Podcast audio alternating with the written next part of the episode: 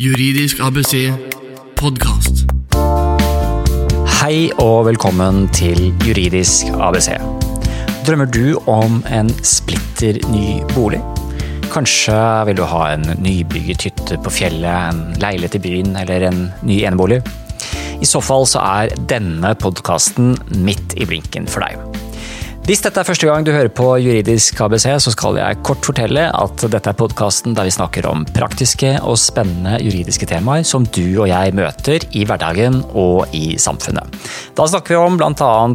arbeidsrett, familiearv, selskapsrett osv. Og så snakker vi også om eiendomsrett, sånn som i dag. Jeg som leder podkasten heter Eivind Arntzen. Jeg jobber som advokat i Dalland advokatfirma, og mitt mål med Juridisk ABC er å gi deg verdifull og nyttig kunnskap som gjør at du lettere kan møte og løse juridiske problemstillinger som du kommer ut for. Konseptet her på Juridisk ABC er veldig enkelt. I hver episode tar vi opp ett tema, og så får jeg besøk av en ekspert på området, slik at gjesten i studio kan lære oss alle de viktigste reglene innenfor temaet.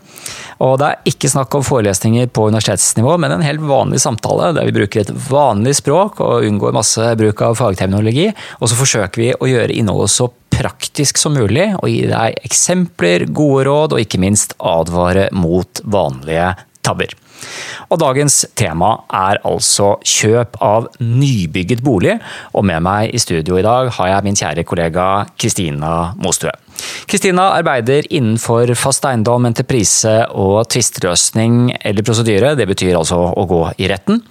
Mostue er eh, spesialist innen kjøp og salg av fast eiendom. Hun jobber med mangelsaker, husleierett, eierseksjonsrett og borettslag.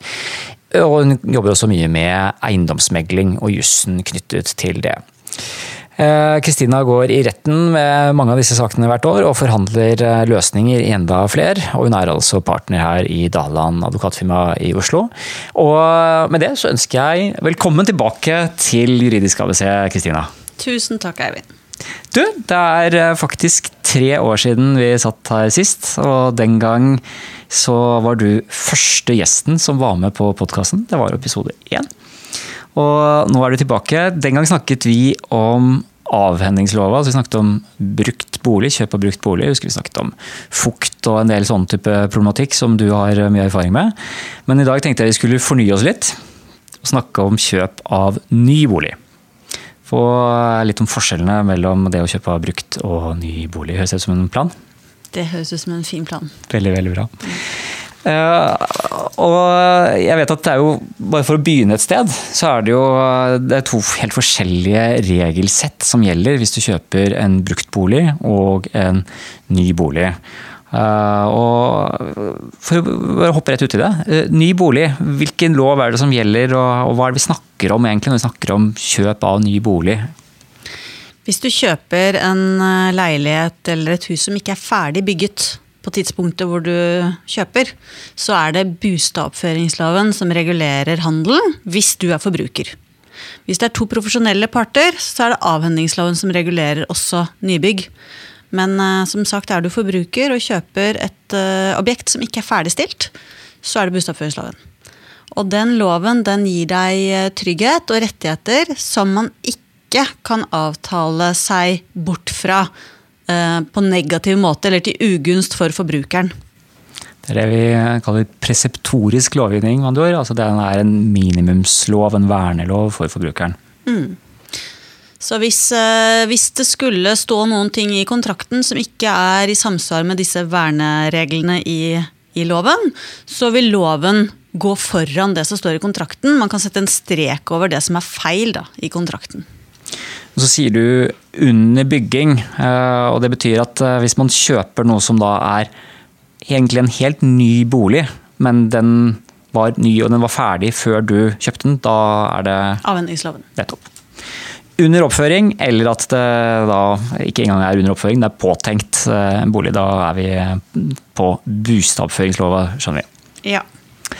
Ok, bra. Og så tenker jeg at klassiske tilfeller er jo som du nevner, altså det kjøp av en, en leilighet eller en uh, enebolig, rekkehus. Det kan være på fjellet eller det kan være i byen. Eh, men det begynner jo gjerne med at man ser en annonse, og så kommer man i kontakt med megleren, og det kommer noe salgsprospekter osv. På, på bordet.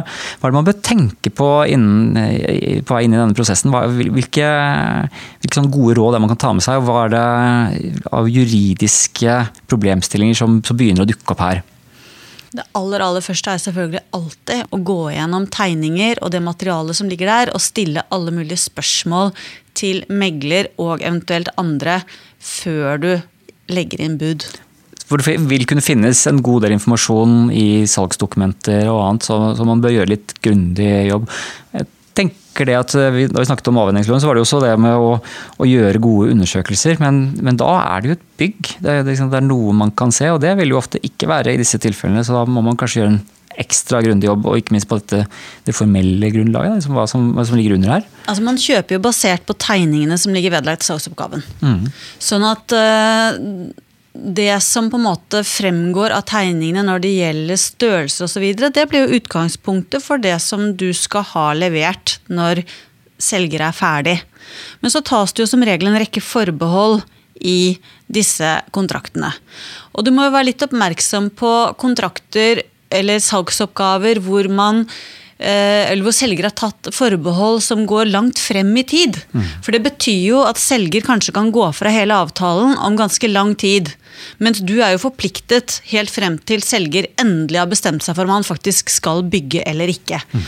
Det er jo ganske vanlig at selgerne tar forbehold om at de har solgt så og så mange enheter i prosjektet, eller at de har fått den byggefinansieringen de trenger. Og, og, da er det litt viktig at ikke det er så langt frem i fremtiden at uh, det hele blir veldig usikkert. Ja, man kan jo risikere at man kjøper noe som skal være ferdig om et år, halvannet eller to. Uh, og så går det lang tid, og man venter og gleder seg og begynner å tenke på å selge egen bolig. Kanskje til og med gjør det og begynner å leie seg inn et annet sted. Uh, og så blir det ikke noe av prosjektet. Og så hadde man kanskje egentlig en potensiell verdistigning på det som da aldri blir realisert. Og så, så har man egentlig kastet bort mye tid. Da. Ja, nå tenkte jeg akkurat helt konkret på de forbeholdene som er liksom én ting helt for seg selv. En annen side av dette her, det er også planlagt ferdigstillelse. Som regel i salgsoppgaven så står det jo et eller annet om at prosjektet planlegges ferdigstilt eh, tredje kvartal eh, det og det året det er ikke veldig forpliktende for selger. Eh, hvis du skal ha noe konkret å forholde deg til, så bør du prøve å få inn i kontrakten eh, en dato. En siste dato for ferdigstillelse. Og det kan man f.eks. gjøre i form at man tar forbehold i budet. Mm. Så hvis det står i saksoppgaven at antatt ferdigstillelse er tredje kvartal 2018, eh, så kan du jo prøve deg med uh, at jeg legger inn bud kroner sånn og sånn. Forutsatt ferdigstillelse innen 1.12.2018. Og er ikke ferdigstillelse skjedd innen den datoen da, altså at selger aksepterer forbeholdet ditt, så er du i en situasjon hvor du får dagmulkt. En helt annen ting Eivind, det er jo at du bør jo aldri flytte ut av eller selge den boligen du selv bor i, før du vet når eh, den nye enheten er ferdig. Nettopp. Så det er viktig praktisk råd hvis man, eh, man skal ikke bli for overivrig med tanke på en bolig som er under oppføring. Du må i hvert fall ikke selge uten at du har en klarhet for når motparten skal levere sin ytelse. Og det er en kontraktmessig forpliktelse. Mm. For veldig vanlig eh, ved salg av ny eiendom, det er jo at det er bare en antatt ferdigstillelsesdato. Og ganske store forsinkelser eh, kan da skje uten at det får noen konsekvenser for selger. Og Har du da solgt det huset du bor i og, og forpliktet til å flytte ut, så får du en vanskelig mellomperiode. det kan du veldig godt si. Og vi, vi vet jo at dette er jo, dette er jo reelt sett situasjoner som oppstår. Det er jo, det er jo folk som, som, gjør disse tingene, og det er jo tvister på det. Det har jo gått oppover i rettssystemet også med spørsmål om ferdigstillelsesdatoer, så, ja. så, man må passe på. Og barnefamilier og andre som har havnet øh, på å si heisen når det gjelder akkurat dette med å flytte ut av gammelt hus i forhold til ferdigstillelse av ny. Kristina, da har vi varmet litt opp og, snakket litt om den, den sånn spennende innledningsfasen, hvor man finner annonsen og, og snakker om pris og, og har, har, planer for, for, kjøpet. Men så vil man jo veldig raskt i denne prosessen også møte en kontrakt. Uh, og dette er jo et forbrukerkjøp, og der er det på det området vet vi at det er veldig mange standardkontrakter. Kan du si litt sånn overordnet om uh, kontraktsituasjonen når det gjelder kjøp etter bustadoppføringslova? Bustadoppføringsloven omhandler mange forskjellige situasjoner.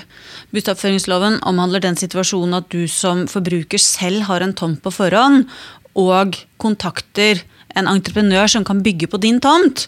Da finner du byggeblanketter, eh, forbrukerblanketter, ved å søke på nettet. Og de er utgitt i et samarbeid mellom eh, Standard Norge og forbrukermyndighetene. Så de skal være balanserte og passe i de aller fleste situasjoner.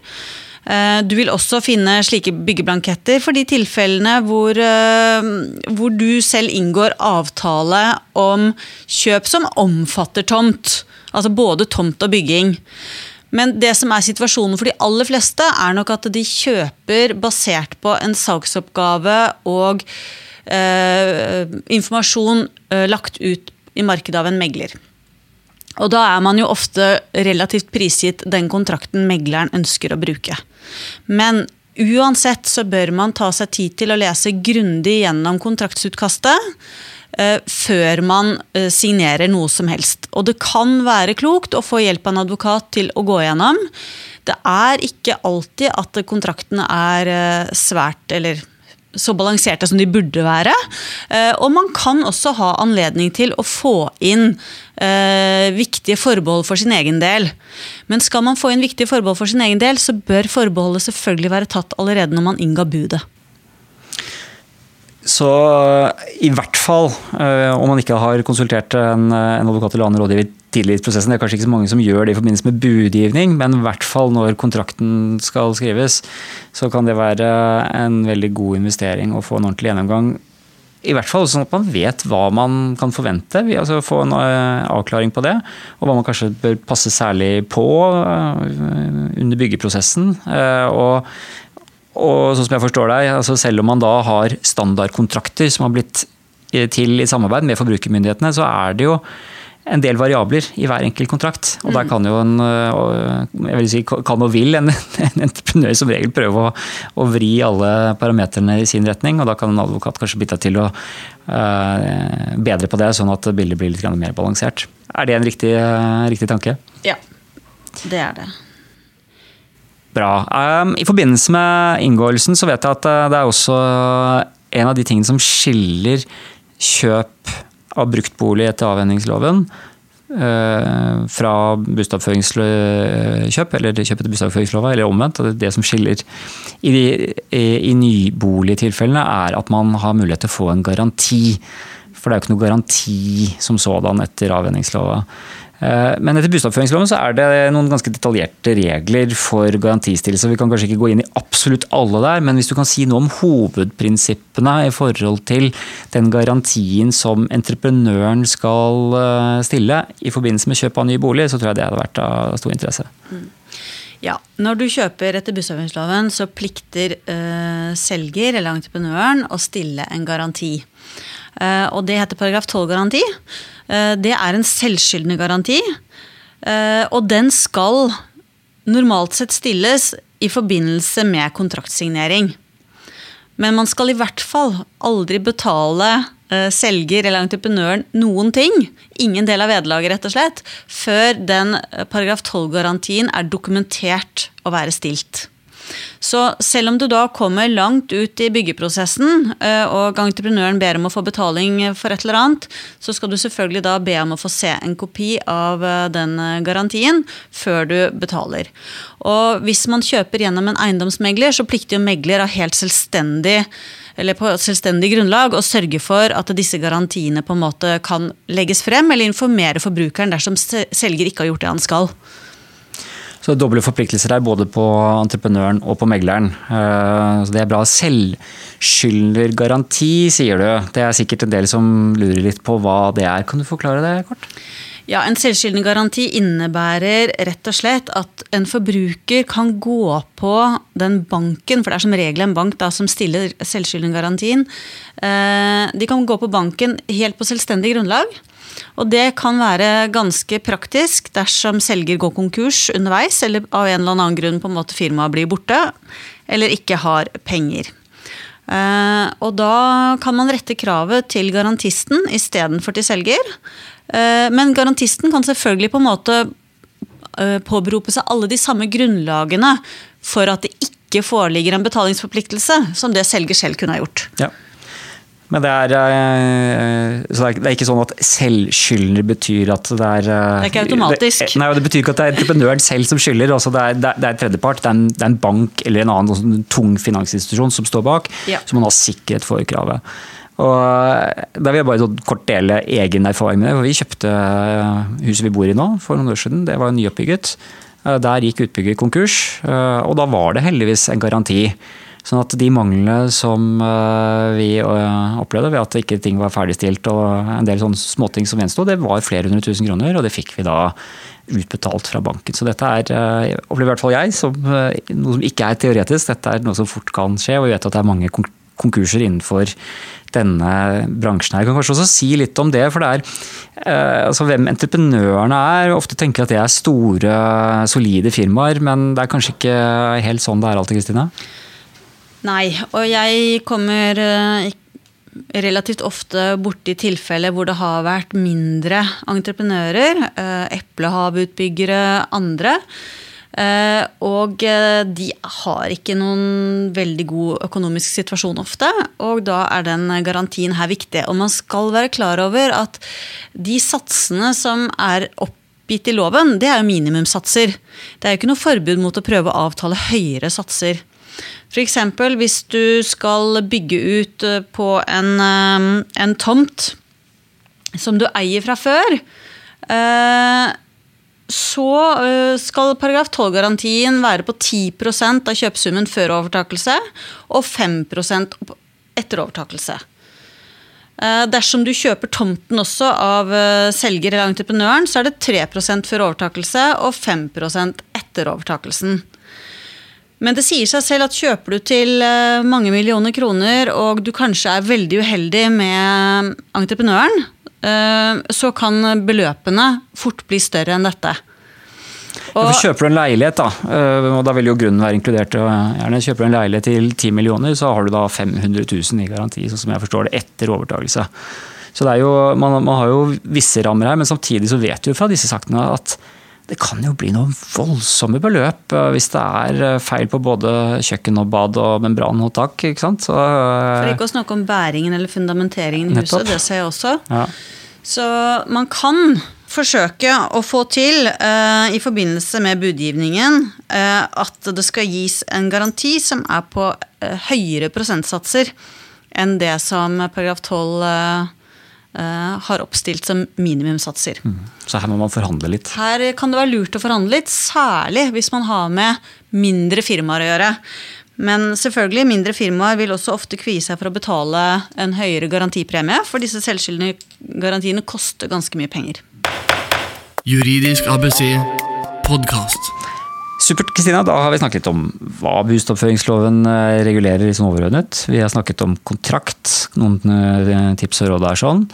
Vi har snakket om garantien som en viktig del av liksom, den innledende ytelsen, i hvert fall, som eh, entreprenøren skal stå for. Men det er jo det er jo mye entreprenøren skal levere, ikke minst selve bygget. Kan vi si noe der om disse hovedpliktene som entreprenøren har i forbindelse med en, eh, en entrepriseleveranse etter bustoppføringsloven? Ja, altså en, en entreprenør skal selvfølgelig på en måte levere et bygg til slutt. Selvsagt. Som er i samsvar med de kravene som stilles i plan- og bygningsloven, og eh, som det offentlige stiller. Eh, alle, alle materialer osv. skal være alminnelig god kvalitet hvis ikke noe annet er avtalt. Godkjente produkter av alminnelig god kvalitet. Og utførelsen skal være i samsvar med alminnelig god byggeskikk. Og så er det jo slik da at eh, det finnes en rekke preaksepterte løsninger.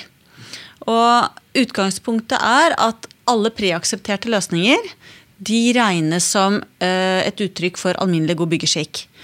Og hvis en entreprenør velger en utførelsesmetode som avviker fra det eh, som følger av byggdetaljbladene til Byggforsk osv., så, videre, så kan det være akseptabelt, for de kan fortsatt være innenfor forskriften. For forskriften stiller gjerne bare krav til at tak skal være tett, baderomsgulv skal være tette, den type ting. Altså funksjonskrav. Men da er det entreprenøren som må dokumentere at den løsningen han har valgt, er like god som den preaksepterte. Så det betyr jo at entreprenøren i så fall starter litt i motbakke. Eh, mm. Og hvis eh, eh, regler og standarder f.eks. sier noe om at eh, på badet så skal fallet gå mot sluket, så kan ikke entreprenøren komme og si at eh, vi valgte en annen løsning hvor eh, det heller gikk mot døren, og, og så er man innenfor. Nei, det er åpenbart ikke i samsvar med, med de kravene som stilles. Nettopp. Så alminnelig god standard er det man i utgangspunktet kan kreve. Og så vil det selvfølgelig ofte være kontrakter hvor man har blitt enige om uh, en mer eksklusiv utførelse. Uh, og da kommer vi fort inn på uh, noe som kan komplisere disse kontraktene ganske mye, tror jeg. Tilvalg. Eh, mange vil jo gjerne investere litt ekstra i, eh, i eiendommene sine. Eh, og da er det jo en del entreprenører også som opererer med tilvalgslister, men det står det ikke noe spesifikt om i bostedoppføringsloven. Men det er jo bestemmelser om tilvalg på litt mer overordnet nivå. Kan du nevne litt hovedreglene her, Kristine? Ja. Eh, Det er helt riktig at entreprenørene de pleier ofte, i hvert fall de store, de har ofte tilvalgslister. Fordi de ønsker å styre prosessen. Og det er jo naturlig, fordi du skal serieprodusere en rekke leiligheter, og du er avhengig av en fremdriftsplan, og det er mange kjøpere. Så de, de forsøker å styre folk i retning av at de kan velge mellom løsning A, B og C. Og eh, det er veldig viktig at entreprenørene på en måte har klare datoer for når eh, kjøper skal si fram hvilke tilvalg de gjør. Og det er også viktig at tilvalgene skjer skriftlig. Det er ikke et lovkrav, men det bør alltid gjøres skriftlig.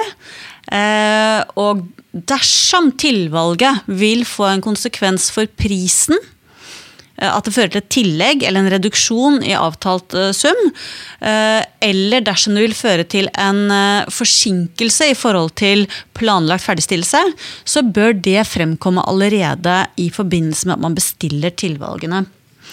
Eh, Nå er det slik at kjøperen har rett til å kunne utføre tilvalg. Men det er vanlig at man i kontraktene sier at forbrukeren ikke kan kreve endringer eller tilleggsarbeid som endrer vederlaget med 15% eller mer. Så det er et øvre tak på hvor mye eh, en kjøper uansett kan kreve av tilvalg. Og man kan egentlig også kreve andre tilvalg enn det selger legger opp til. Men det blir gjerne en diskusjon, og selgerne prøver å unngå det. Men uh, i stad så jeg for meg en leilighet til 10 millioner i kontraktsum. Eh, med da eh, 500 000 som ville være garantibeløpet. Så her snakker vi jo da om, sånn som jeg forstår det, så kan jo da oppå de 10 millionene skal man ha eh, 1,5 millioner i ytterligere tilvalg hvis man vil ha finere parkett eller eh, whatever. Det jo, så det, det, kan jo, det kan jo være ganske store beløp, men eh, uten at det er så veldig juridisk, så, så bør man kanskje også eh, huske at ofte har entreprenørene ganske gode marginer på disse pakkene sine, så man betaler ofte ganske dyrt for, eh, for tilvalg. Nå er i hvert fall min erfaring. Men jeg vet ikke om du har noen tanker rundt det? Det er jo også en kjent teknikk for at ikke det skal være altfor attraktivt å gjøre for mange endringer. Ja, og Det er forståelig fra entreprenørens side også, for det er klart at eh, det er effektivt å bygge helt likt bortover. bang, bang, bang. Mens hvis man skal ha mye eh, tilpasninger og skreddersøm, så, så vil det koste i administrasjon og osv. Ja, det blir mye mer komplisert. Ikke sant. Men er det bare det at det blir mer kostbart ofte med, med tilvalg, eller er det noen andre ting man må tenke på før man går amok eh, på tilvalgslisten? Det jeg ser blir en praktisk problemstilling, det er jo gjerne at det oppstår en diskusjon i forbindelse med forsinkelse. Eh, Kjøperen eh, hevder at det er eh, levert for sent, eh, og selger svarer med å si at men det er jo blitt forsinket pga. dine tilvalg og dine sene svar, eller selger av andre grunner som de påberoper seg for å begrunne forsinkelsen. Og eh, da har vi en paragraf eh, 11 i bustoppføringsloven hvor det klart fremkommer at uansett hva årsaken til en eventuelt forsinkelse måtte være, så må en entreprenør passe på at han uten ugrunnt opphold, etter at han blir oppmerksom på den omstendigheten som han mener fører, fører til en forsinkelse, eh, da må han kreve fristforlengelse og gi melding om dette til forbrukeren. Og uten ugrunnet opphold, det er ikke mange dagene, altså. Så det nytter ikke å komme et halvt år etterpå og si at ja, men det var fordi du, osv. Mm. Så hvis man øh, holder seg til disse tilvalgslistene og oppfyller øh, de fristene, så er det ikke dette noe problem. Men det kan være det hvis du har typisk at man bygger en enebolig, og så veien blir litt til mens man går, og så endrer man fliser og man endrer øh, det ene og det andre. og Kanskje bytter man litt på noen vegger og har noen ytterligere påkostninger. Og da får man denne situasjonen, og da, det, da, har entreprenøren en rett til å kreve at ferdigstillelsesdatoen forskyves, men da må også entreprenøren følge med i timen og gi en beskjed med en gang, egentlig med en gang eh, det som eventuelt fører til forsinkelsen, oppstår. Mm. Mm. Og uh, all kommunikasjon her, som jeg forstår fra deg, det bør, selv om man har en veldig sånn muntlig og god dialog, så bør man fra begge sider sørge for litt ryddighet i forhold til alt som har med tilvalg og endringer og viktige ting i prosjektet, og gjøre det skriftlig. Absolutt. Mail, er det skriftlig? Det, det, holder som regel med ja. mail. Mm. Det er ikke noe som blir satt på spissen at det skal være rekommandert brev? Nei, ikke rekommandert brev. i Jeg er arbeidsrettsjurist. Der er det en del som skal være på papir og rekommandert eh, form. Du hører Juridisk ABC podkast. Da tenker vi oss at eh, byggeprosessen skrider frem.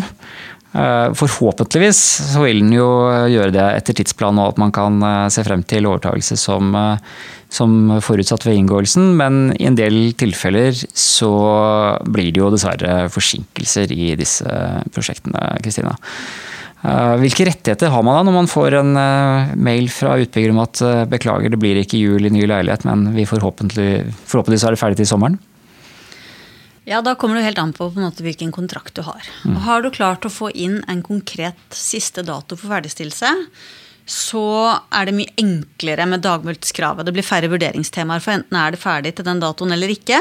Og det eneste som kan eh, liksom forpurre kravet ditt da, det måtte være hvis du selv er skyld i noen forsinkelse og har fått melding om det fra entreprenøren underveis. Um, det loven sier, det er selvfølgelig at entreprenøren skal overholde de fristene som er avtalt for overtakelse. Og Har du en klar frist, så vil dagmulkten i utgangspunktet gjelde fra den fristen, hvis ikke det da er ferdig. Og du kan kreve dagmeldt for 100 dager. Og eh, hvis du har kjøpt en eiendom hvor grunnen er med, typisk en eierseksjonsleilighet eller eh, både tomt og hus da, på en eh, eiendom, så kan du kreve 0,75 promille per dag av eh, kjøpesummen i 100 dager. Eh, og du behøver ikke å dokumentere at du har lidd et tap. Det er det som er fordelen med dagmulkt. Det blir ingen diskusjon om på en måte vilkårene for erstatning er oppfylt. På den annen side så får du ikke så lett så mye mer heller mm. enn uh, dagmulktsbeløpet. For dette er standardisert? Det er liksom det som er standardisert. Mm. Så, og hvis du på en måte har kjøpt uh, Hvis du hadde tomten fra før, og bare kjøper selve byggeprosjektet, da er det én promille av uh, kjøpesummen. Mm.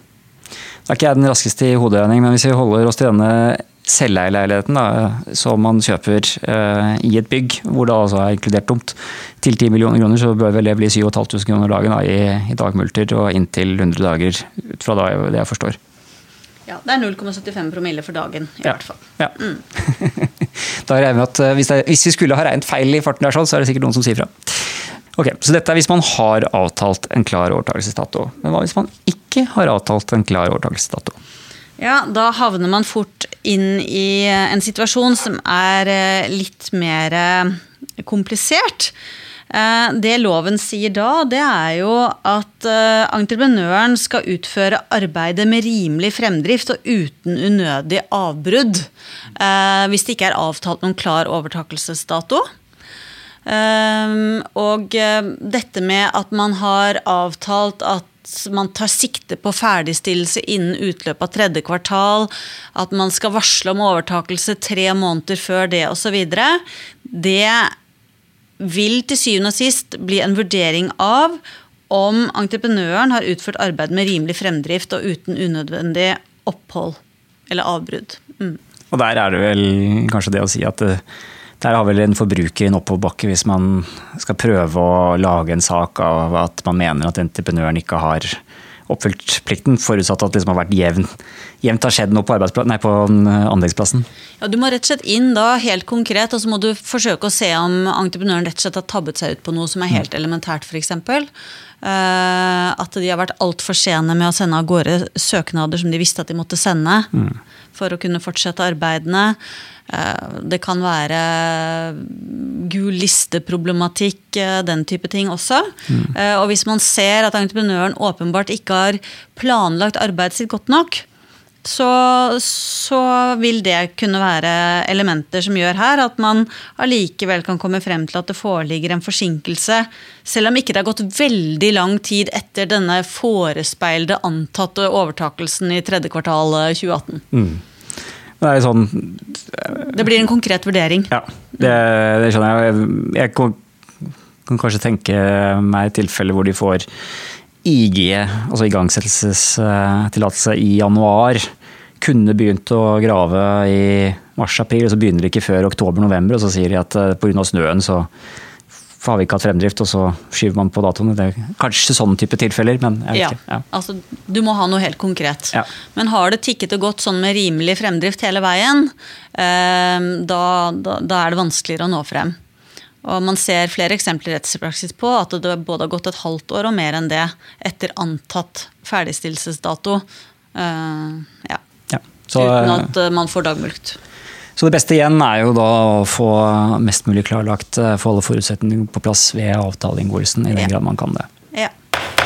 Dette er Juridisk ABC-podkast med advokat Eivind Arntzen. Da er det vel kanskje neste steg i eh, denne prosessen at det begynner å nærme seg en overtakelse, eller Kristina? Ja. Eh, hva skjer i forbindelse med overtakelse sånn opp mot eh, Jeg vet at det er noe som heter overtakelsesforretning, som er litt sånn viktig og formell eh, milepæl. Mm. Hva, skjer i de dager rundt ferdigstillelsen? Ja, nå er det litt sånn forskjell på om du kjøper et stort prosjekt eller om du har eh, et mer enkeltstående prosjekt. Mm -hmm. Kjøper man i store prosjekter, så er det også ganske vanlig med en forovertakelse eller en forbefaring før -hmm. overtakelsen. Mm -hmm. Og det er noe entreprenørene kaller inn til eh, kanskje en måneds tid før det som skal være overtakelsesforretningen. Nettopp for allerede da å kunne luke ut en god del ting, slik at det i hvert fall skal være ferdig til overtakelsen. Men uh, den forbefaringen har ingen annen uh, rettslig betydning enn at man på en måte får forberedt og ferdigstilt så godt det lar seg gjøre til overtakelsen. Så selve overtakelsesforretningen, der er det knyttet flere viktige rettsregler til. Uh, for det første så vil man jo på overtakelsen ha en plikt til å betale kjøpesummen. Mm.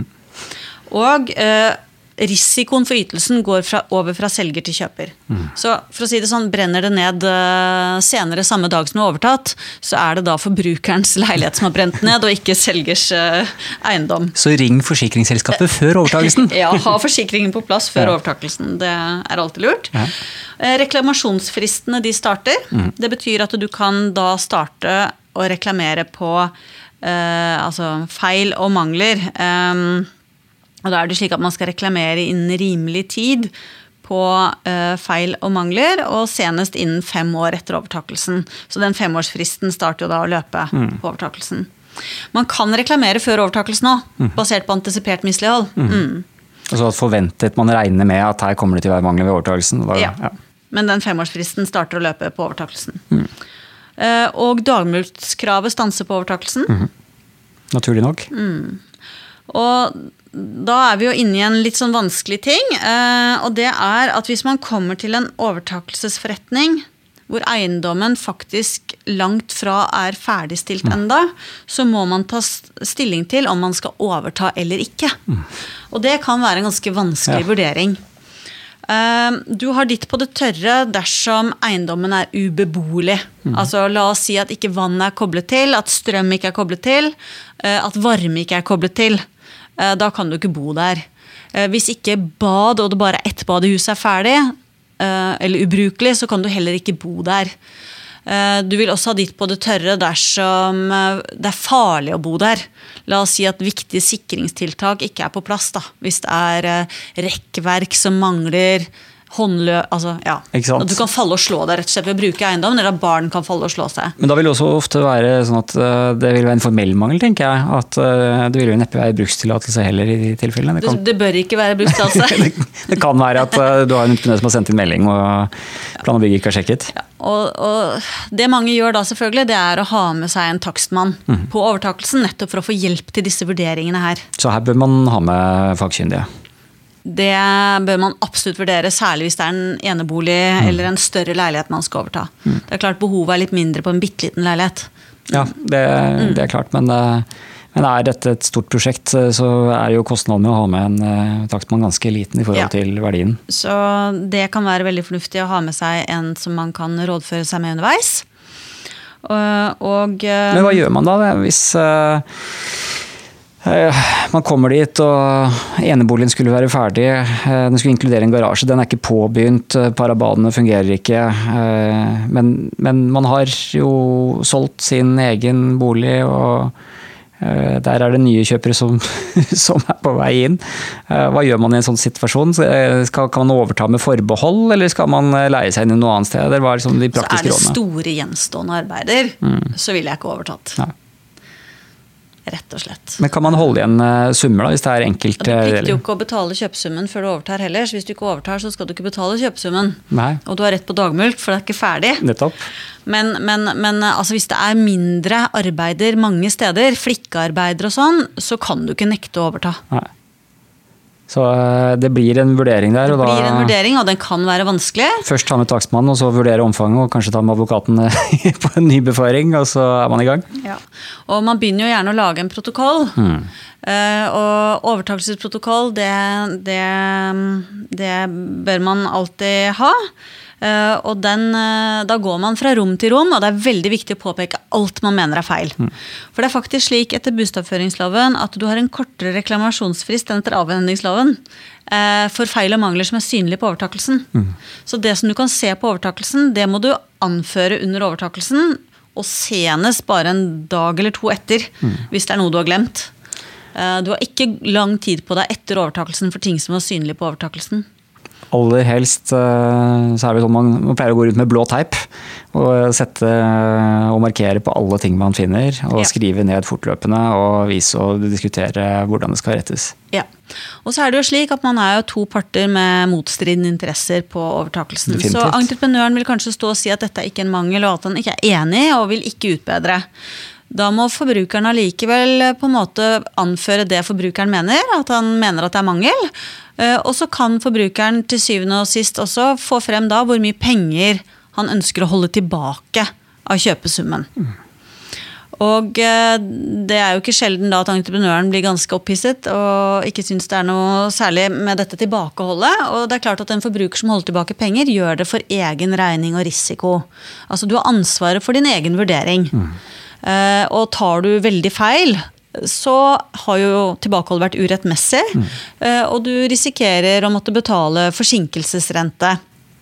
Så holder du igjen to millioner der, eh, på denne timillionersleiligheten, millioners leiligheten, og det er egentlig bare snakk om litt flikking og maling, så har du tatt Så for har i. du tatt for hardt i og må betale forsinkelsesrente. Men du får fortsatt nøklene.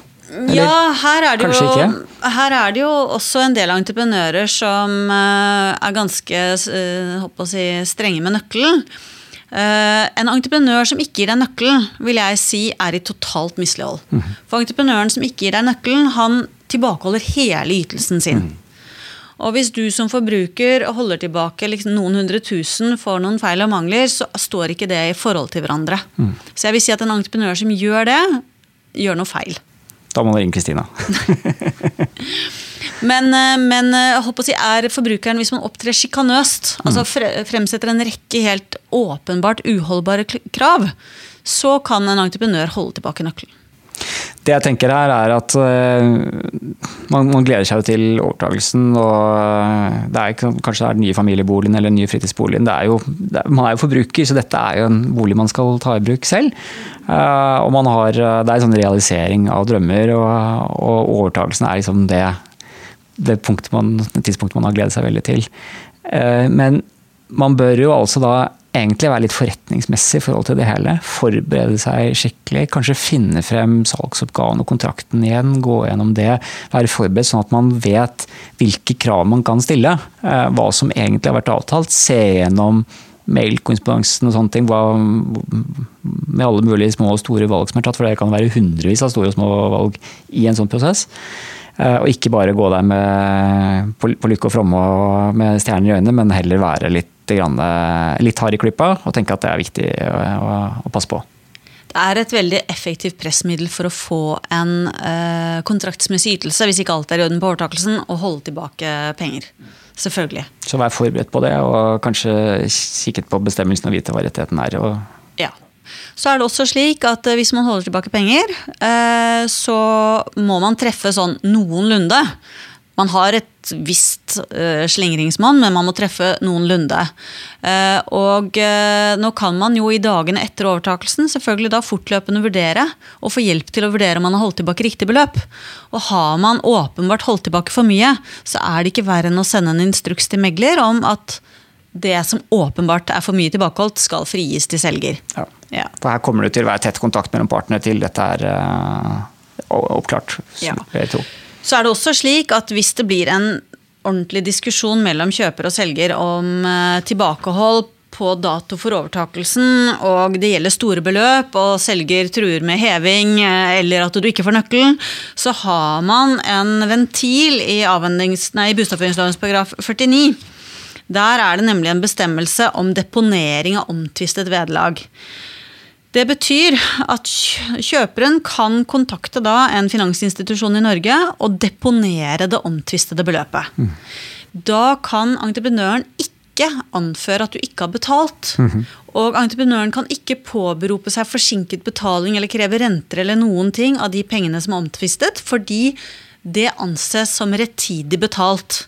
Men pengene blir låst på en deponeringskonto. Mm. Og det betyr at verken kjøper eller selger kan disponere over disse pengene ved mindre de har blitt enige om hvordan de skal løse tvisten, eller en domstol har løst saken for dem.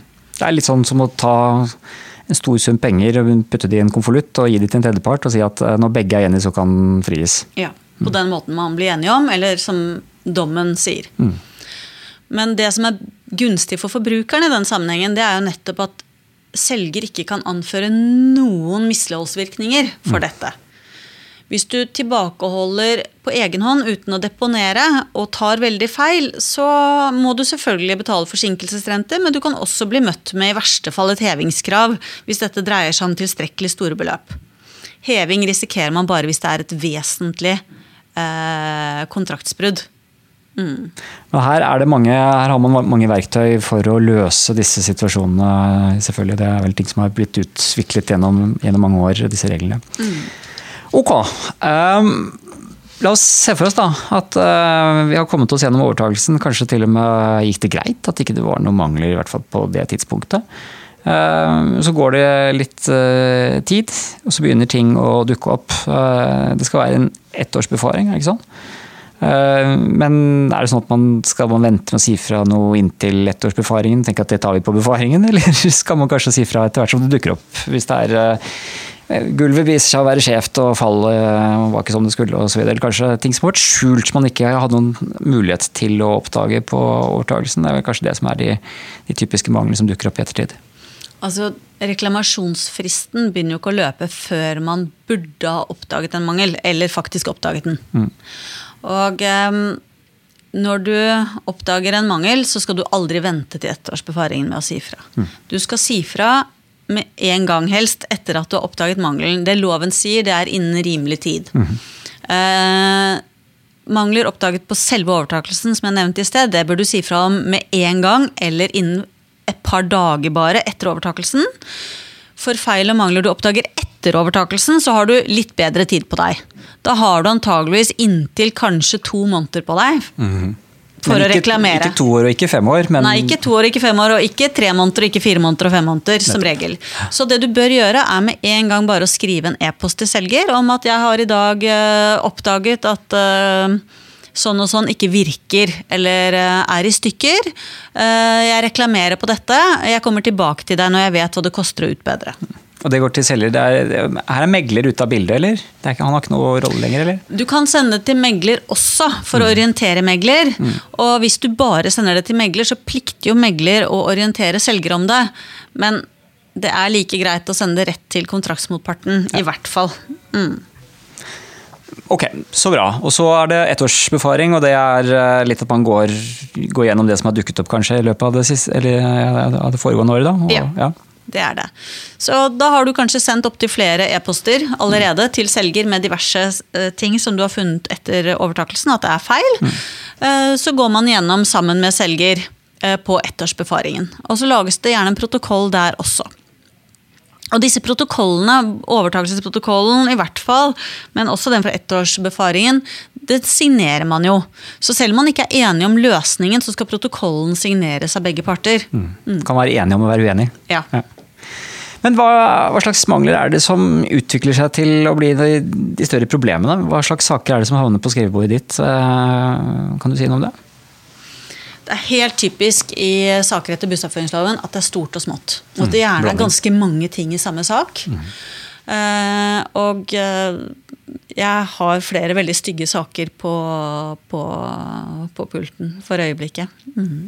Det dreier seg da også om ting som er, kan være farlig. Er det fukt, er det sopp, er det elektrisitet? Er det, eller er det bare som alt? Ja, det er, det er dessverre mye forskjellig, Mm. men også ganske alvorlige feil og mangler. Sånn som f.eks. Eh, fukt i kjellerkonstruksjon, i nybygg, og bruk av bærende elementer som ikke tåler fukt. Det betyr at bæringen i hele huset svikter, mm. og huset er da ett år gammelt. Eh, og veldig omfattende utbedringsarbeider som må til. Fordi det har blitt setninger i hele huset også, selvfølgelig, pga. dette her. Så da har du baderommene i andre etasje osv. hvor vegger sprekker opp og sånt. Fordi bæringen nede svikter. Vi kan vel si det, Kristine, at eh, her i Dalane er vi jo mange som jobber med eh, eiendomsrett. Og det er jo en del stygge, stygge saker med hundrevis av punkter, mange millioner i erstatningsbeløp. og vi har jo hatt hus som ikke kunne brukes til noe annet enn brannøvelse eh, i ettertid. ikke sant? Så det er, det, er, det er mye man skal passe på der ute. Det er jo, det er jo hjemmene eller fritidshjemmene til folk, dette. Så det er eh, alvorlig. Ja, og si, det er jo De store beløpene knytter seg jo veldig ofte til et eller annet som har med fukt å gjøre. Eh, takterrasser, eh, membraner, både garasjer hvor det er garasjeparkering, og så har du hus under garasjene.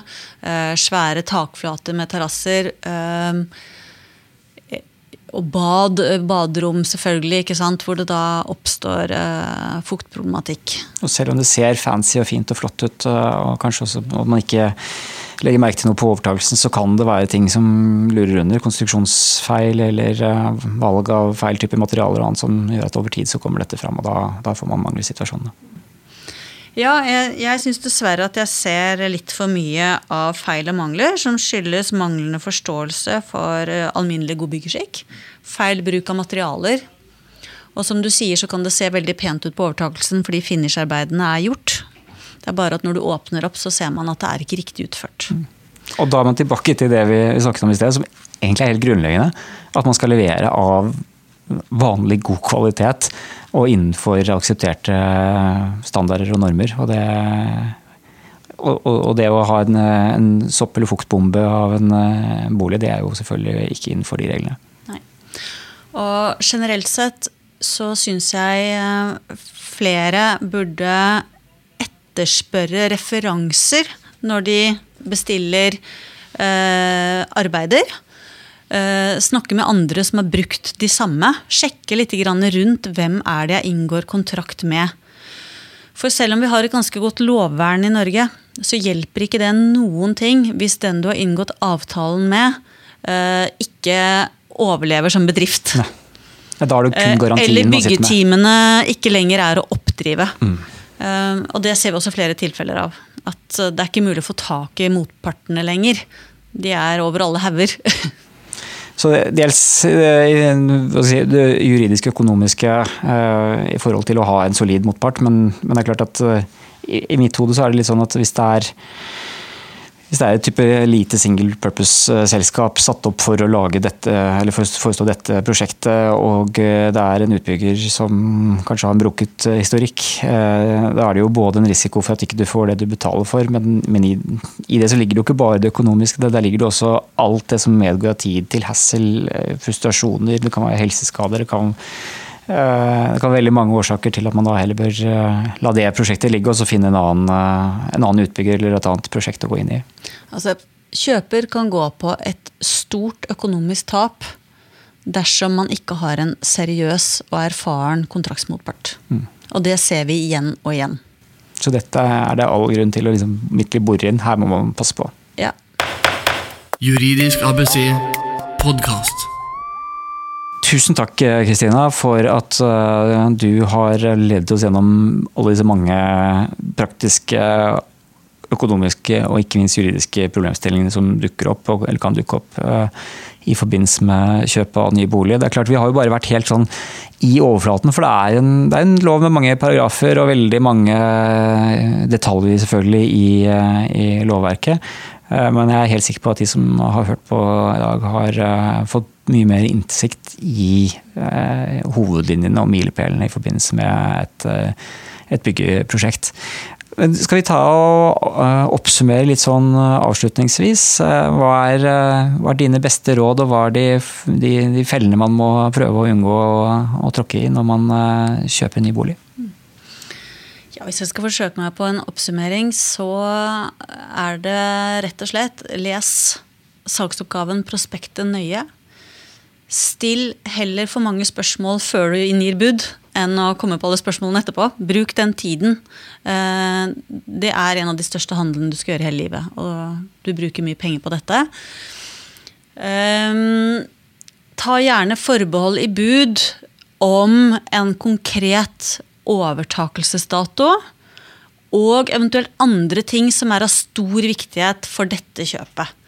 Det kan være f.eks. at bygget vil bli eh, godkjent. Eh, Det kan være andre ting som er helt avgjørende. Da bør du ta forbehold om det i budet.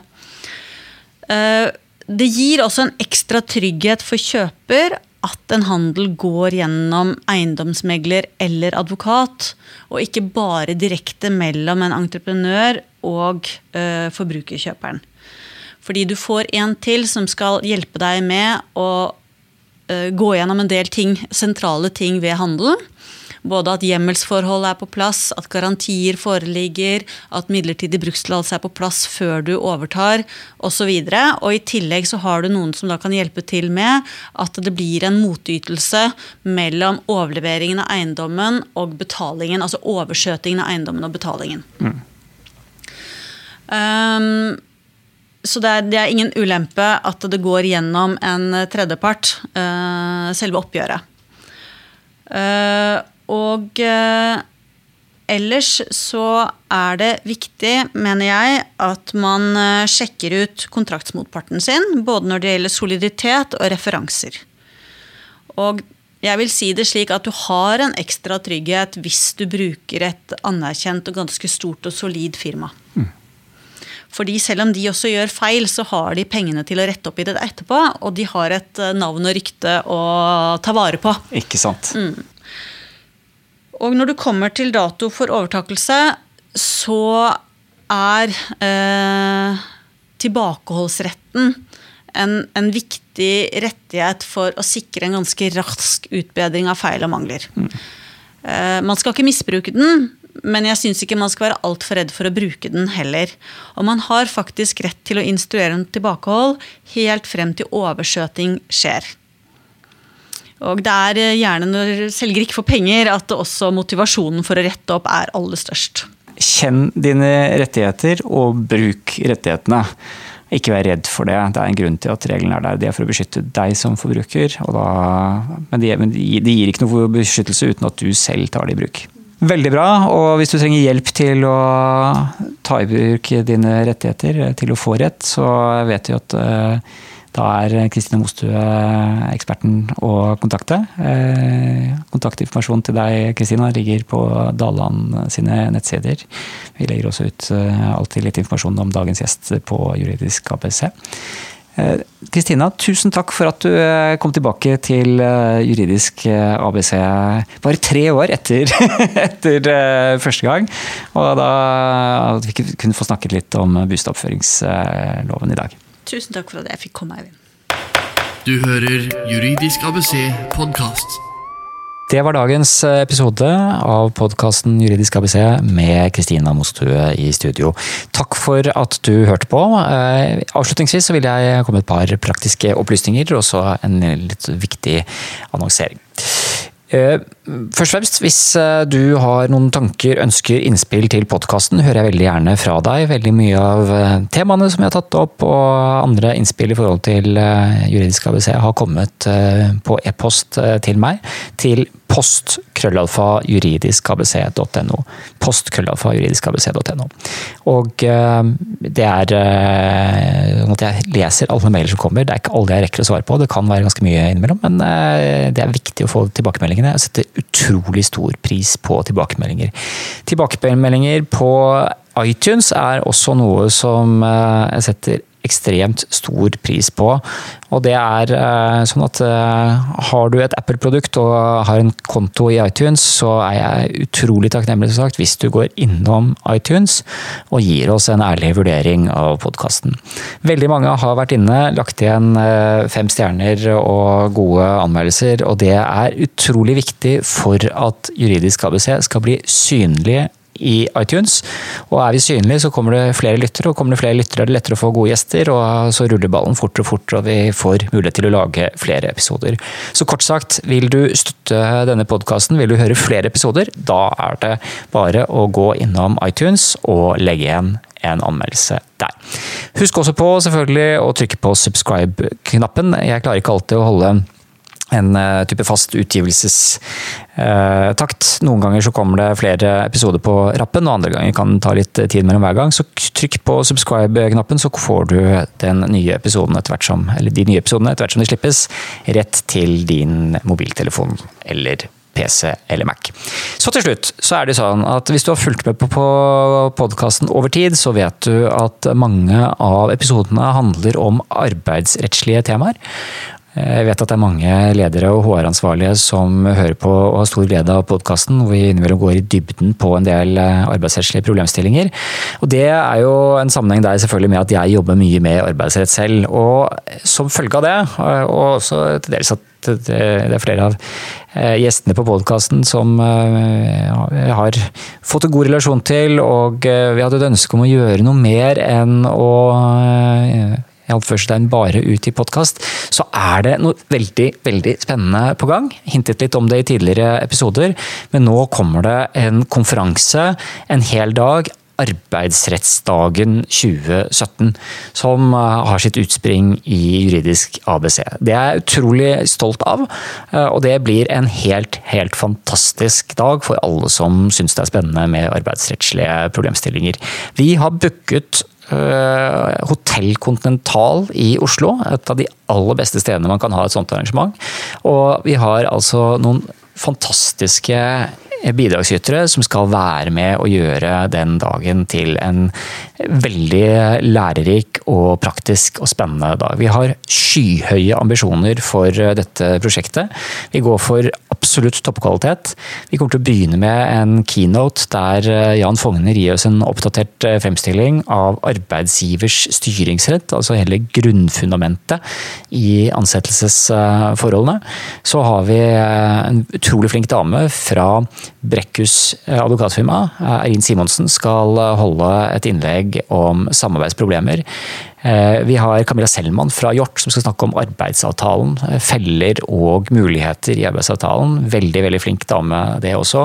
Ole André Oftebro fra Reder som har vært innom og snakket om produktansvar, men han er også en ekspert innenfor arbeidsrettslige problemer. Skal snakke om de vanskelige og de giftige medarbeiderne, og hvordan du håndterer de. Eh, Nikolai Skarning er en kjent og kjær gjest på podkasten. Han kommer tilbake og gir oss en virkelig praktisk gjennomgang av oppfølging og eh, oppsigelse av ansatte som ikke fungerer. Så vi kommer til å ha fokus på disse vanskelige, praktiske problemstillingene som mange arbeidsgivere sliter med.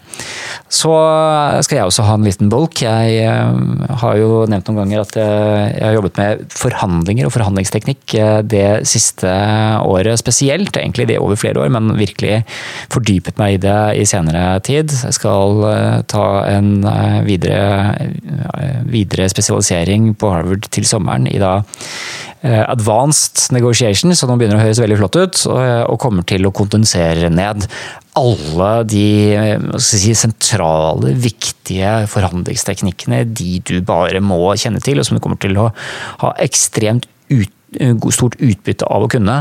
De teknikkene skal eh, jeg også ha en liten bolk om på arbeidsrettsdagen 2017.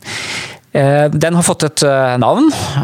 Skiftkonferansen. Skiftkonferansen.no er stedet hvis du vil ha mer informasjon. Og når denne podkasten slippes, så vil vi omtrent på samme tid så går det også ut et tilbud om rabatterte billetter, såkalt earlybird-billetter på godt norsk, eh, som har gode rabatter på billettprisen. Eh, vi går for som sagt høy, høy, høy kvalitet på selve opplegget, men vi er ikke, er ikke noe profesjonell eh, for profit-organisasjon som står bak dette som sådan. Vi har så vi har, eh, vi har, litt andre rammebetingelser som gjør at vi, eh, vi driver selvfølgelig kommersielt. Eh, og vi kommer til å gjøre dette for å, å tjene noen kroner, men det er ikke det som er hovedmålet. Derfor vi har ikke noen stor organisasjon som skal støtte seg sånn, derfor så kan vi også holde helt andre priser på dette enn det andre skal si, leverandører i markedet gjør. Så det er Eh, veldig gode billettpriser for eh, dagen, og hvis du er raskt ute, så vil du også kunne få rabatter. Så gå inn på skiftkonferansen.no for å lese mer om programmet og bestille billetter i dag. Så håper jeg å se deg der, og hvis ikke arbeidsrett er eh, det du er mest interessert i. Det var jo heller ikke tema for dagens podkast. Eh, så håper i hvert fall at du blir med videre på flere episoder av Juridisk ABC. Husk å abonnere, så ses vi snart. Ha det bra. Hei. Du har hørt Juridisk ABC podkast. For mer informasjon om dagens tema, se juridiskabc.no. Her finner du flere podkaster og artikler innen arbeidsrett, eiendomsrett, familierett og temaer for deg som driver egen virksomhet. Meld deg på vårt nyhetsbrev på juridiskabuseet.no.